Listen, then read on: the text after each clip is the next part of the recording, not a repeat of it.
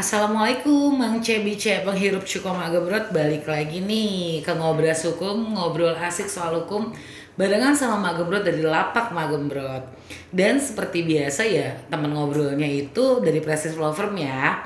Eh, kali ini tuh kita ada dua nih pembicaranya. Ada Bang Martin itu Bang Martin Fernando Lubis SHMH jadi ini adalah pengacara yang sudah beracara dari 2008, 2014 dan dia lulusan dari S1 Parahyangan, S2-nya di Atmajaya Jogja. Uh, ada lagi Bang Reja, Reza Adiputra SH, lulusan dari Pancasila, sudah jadi pengacara dari 2018, cuma sudah di kantor hukum dari 2016. Kita sapa dulu abang-abang. Halo. Abang-abang pengacara. Nervous saya kayaknya sampai kesawat. Nih, kali ini kita mau ngelanjutin ya. Sebelumnya kan aku ngobrol sama Bang Reja ya. betul betul betul. Di sebelumnya tuh ngebahas tentang pengacara jadi diri sendiri. Eh, iya benar. Betul betul. Betul betul. Kalau misalnya pengacara diri sendiri itu yang penting kita harus tahu hukum sebagai orang awam. Yang sebenarnya faktanya adalah ketika sudah terkena kasus hukum, tetap harus butuh pengacara dalam arti sebenarnya. Betul. Nah, di topik kali ini yang mau kita bahas, emang sebenarnya pengacara itu apa sih? Siapa sih pengacara itu? Gimana sih bisa disebut pengacara?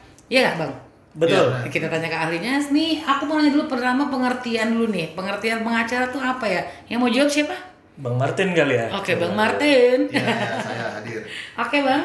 Oke, nah jadi sebenarnya kan memang di masyarakat umum ini banyak banget nih sebutannya nih. Ada pengacara, Hmm. ada advokat, Oke. ada konsultan hukum. Oke. Nah, tapi kalau eh, biasanya pengacara ini diasosiasikan diasosiasikan dengan advokat. Oke. Advokat sendiri itu di Indonesia itu sudah ada eh, aturan khususnya yaitu Undang-Undang tentang advokat. Hmm. Undang-Undang Nomor 18 Tahun 2003. Oke. Di sana itu dalam pasal satunya jelas disebutkan bahwa advokat adalah orang yang berprofesi memberi jasa hukum Hmm. baik di dalam maupun di luar pengadilan yang memenuhi persyaratan berdasarkan ketentuan undang-undang tersebut. Oh gitu. Jadi advokat tuh pemberi jasa hukum ya, Bang ya. Ya. Nah, tapi eh, itu bisa yang ngasih jasa hukum bisa siapa aja atau tadi saya dengar sih ada syarat-syaratnya buat jadi advokat. Ya, ada syarat-syaratnya. Itu gimana aja syarat-syaratnya aja? Syarat-syaratnya sih ini ya mak gembrot ya. Yang pertama Iya, harus sarjana hukum yang pasti. Oke. Harus lulusan hukum karena harus mengerti hukum-hukum yang berlaku. Oh berarti itu itu paling dasarnya banget Paling SH dasarnya ya? banget harus sarjana Gak bisa hukum. mau SE mau sarjana apa pun nggak bisa tiba-tiba jadi. Oke oke oke oke. Karena apa? Karena kita harus ada pendidikan eh, profesi. Oh. Nah, pendidikan profesi itu harus mencantumkan sarjana hukumnya itu. Oh oke oke oke. Nah, yang kedua setelah kita pendidikan ada ujian, ujian Oh. profesi advokat. Setelah itu baru kita bisa disumpah. Oh berarti ada urutannya bang. Jadi kayak dari dia harus sarjana hukum, habis itu dia ikut dulu kayak apa pelatihan sekolah atau apa Ya, itu ya. PKPK. Terus habis itu ujian, habis itu disumpah, baru bisa jadi pengacara. Betul. Nah, sumpah sendiri itu sebenarnya ada aturannya lagi. Bang Martin kali jelasin ya karena lebih mengacu ke undang-undang nih Jadi soalnya bisa nih. menyumpah-nyumpah nih. Gimana Ya. bang Martin? Oke, balik lagi kalau untuk masalah eh, apa sumpah advokat itu dia- kita merujuk kembali ke pasal 3 undang-undang tadi, undang-undang advokat. Undang-undang nomor 18 tahun. 2003. Itu sebenarnya di situ leng- lengkap tuh persyaratannya. Hmm. Eh, aku ambil contohnya aja misalnya eh, usia itu kurang sekurang-kurangnya 25 tahun. Oh ada minimal usia Ya, berarti. terus itu tadi berijazah sarjana hukum. Hmm. Ya, terus kemudian lulus ujian, kemudian ada magang, Oh ada magang juga. ya. Terus tidak di, tidak pernah dipidana dan ber, berperilaku baik. Oh oke oke berarti tadi habis yang ujian eh, magang dulu baru disumpah apa sumpah dulu baru magang? Magang dulu baru disumpah. Oh, Itu- berarti- itulah kenapa eh, di kantor hukum nggak cuman ada advokat aja. Gitu. Oh iya iya iya iya berarti mau jadi advokat tuh panjang juga ya. Magangnya berapa lama ya bang? Magang sih kurang lebih harusnya sih dua tahun ya di situ. Oh, berarti dari- setelah kita lulus. Oke, habis lulus SH, habis itu Yap. sekolah pelatihan, habis itu dia ujian, dia magang 2 tahun, dia disumpah baru jadi advokat. Betul. Tapi saya sering ngelihat kalau di kantor law firm itu banyak banget yang kayak baru banget lulus sudah kerja di sana. Dia berarti bukan advokat dong. Belum, belum tentu gitu kan. Itu tadi makanya kita balik lagi. Mm-hmm. Eh, ada juga bisa disebut uh, paralegal, ada juga ahli di sana. Ahli dalam artian orang yang mempunyai kapasitas nanti di sebagai rekanan di dalam kantor hukum. Oh, berarti di dalam kantor hukum itu isinya bukan semuanya pengacara, belum tentu Belum nih. tentu. Misalnya Ya. ada ponakan saya gitu, udah baru lulus SH, terus tiba-tiba dia udah kerja di law firm, saya nggak bisa bilang dia lawyer gitu. Belum, belum tentu. Kalau dia belum bisa Oh, oke oke oke oke. Infonya oke nih.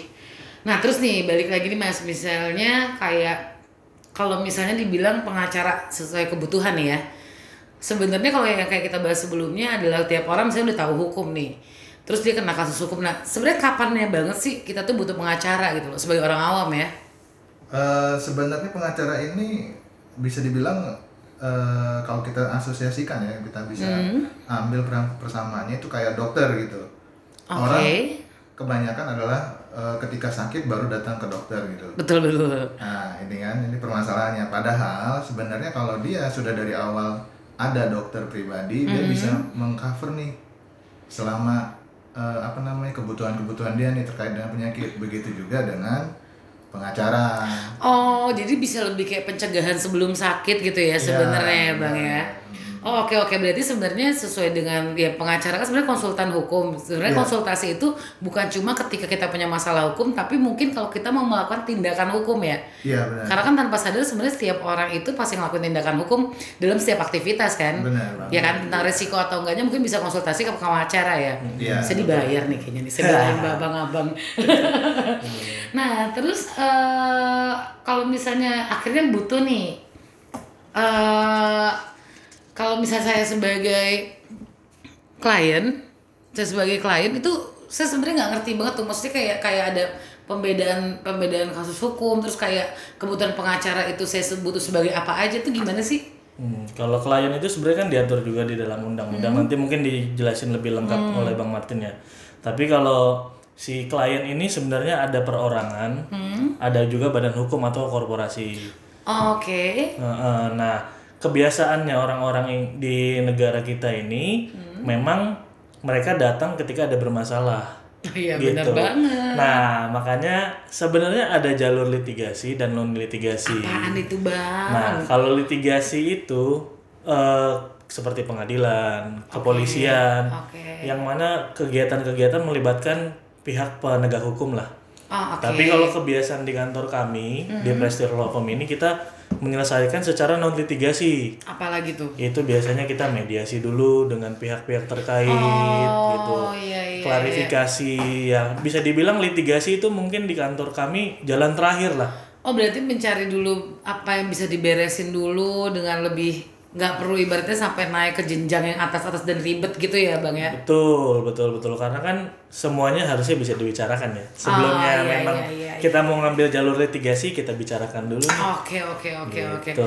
Bang tadi kan eh, abang sempat bilang kalau klien itu bisa perorangan bisa badan hukum. Nah kalau badan hukum kan berarti kayak misalnya saya nih punya usaha, berarti bisa masuknya di badan hukum kalau saya tentang usaha saya bukan dari saya sendiri ya? Bisa, bisa. Ya. Dari awal berarti memang sudah harus eh, apa namanya? Berarti si pengacara ini kliennya adalah perusahaannya. Benar. Perusahaan benar. bisa jadi klien. Bisa. Jadi kalau di dalam undang-undang itu disebutkan eh, klien itu adalah orang atau badan hukum atau lembaga lain yang menerima jasa hukum dari si advokatnya itu. Kalau kalau misalnya perusahaan yang hire lawyer itu gimana ya bang? Maksudnya bagaimana nih? Buat- Maksudnya kayak perusahaan terus dia akhirnya memakai jasa lawyer. ya Berarti kerjasamanya itu gimana ya? bisa sebagai eh, konsultan, bisa juga nanti sebagai eh, advokatnya di pengadilan. Jadi sebagai konsultan dalam artian ya tadi saya bilang kalau dia bekerja sama dari awal, artinya semua masalah yang akan ada dihadapin bisa dipetakan terlebih dahulu nih. Jadi sebelum Oke oke oke, bentar nih. bang, tahan dulu bang. Kita bakal ngobrol nih panjang kayaknya. Soalnya saya butuh buat perusahaan lapak Pak Gembrot ini nih, ya. Iya. Di nextnya kita bahas lagi ya, abang-abang jangan ke mana-mana dulu nih, oke? Siap, siap. Nih makan dulu nih, pempeknya udah disiapin, ya hirup dulu cukanya. Waduh, enak. Oke Mang Cebice, makasih nih yang udah ngedengerin ngobrol hukum, udah pada ngerti dong pengacara itu sebenarnya apa sih? Ada syarat-syaratnya ternyata nggak bisa gampang jadi pengacara. Nah kalau mau tahu lebih lanjut tentang hukum, bisa follow IG-nya Prestige Law Firm ya. Prestige dengan ejaan Indonesia, Prestige Law Firm dengan ejaan luar. At Prestige Law Firm bisa di follow Dan bisa juga follow Lapak Magebrot at Lapak Magebrot buat beli pempek saya. Oke, sampai ketemu lagi.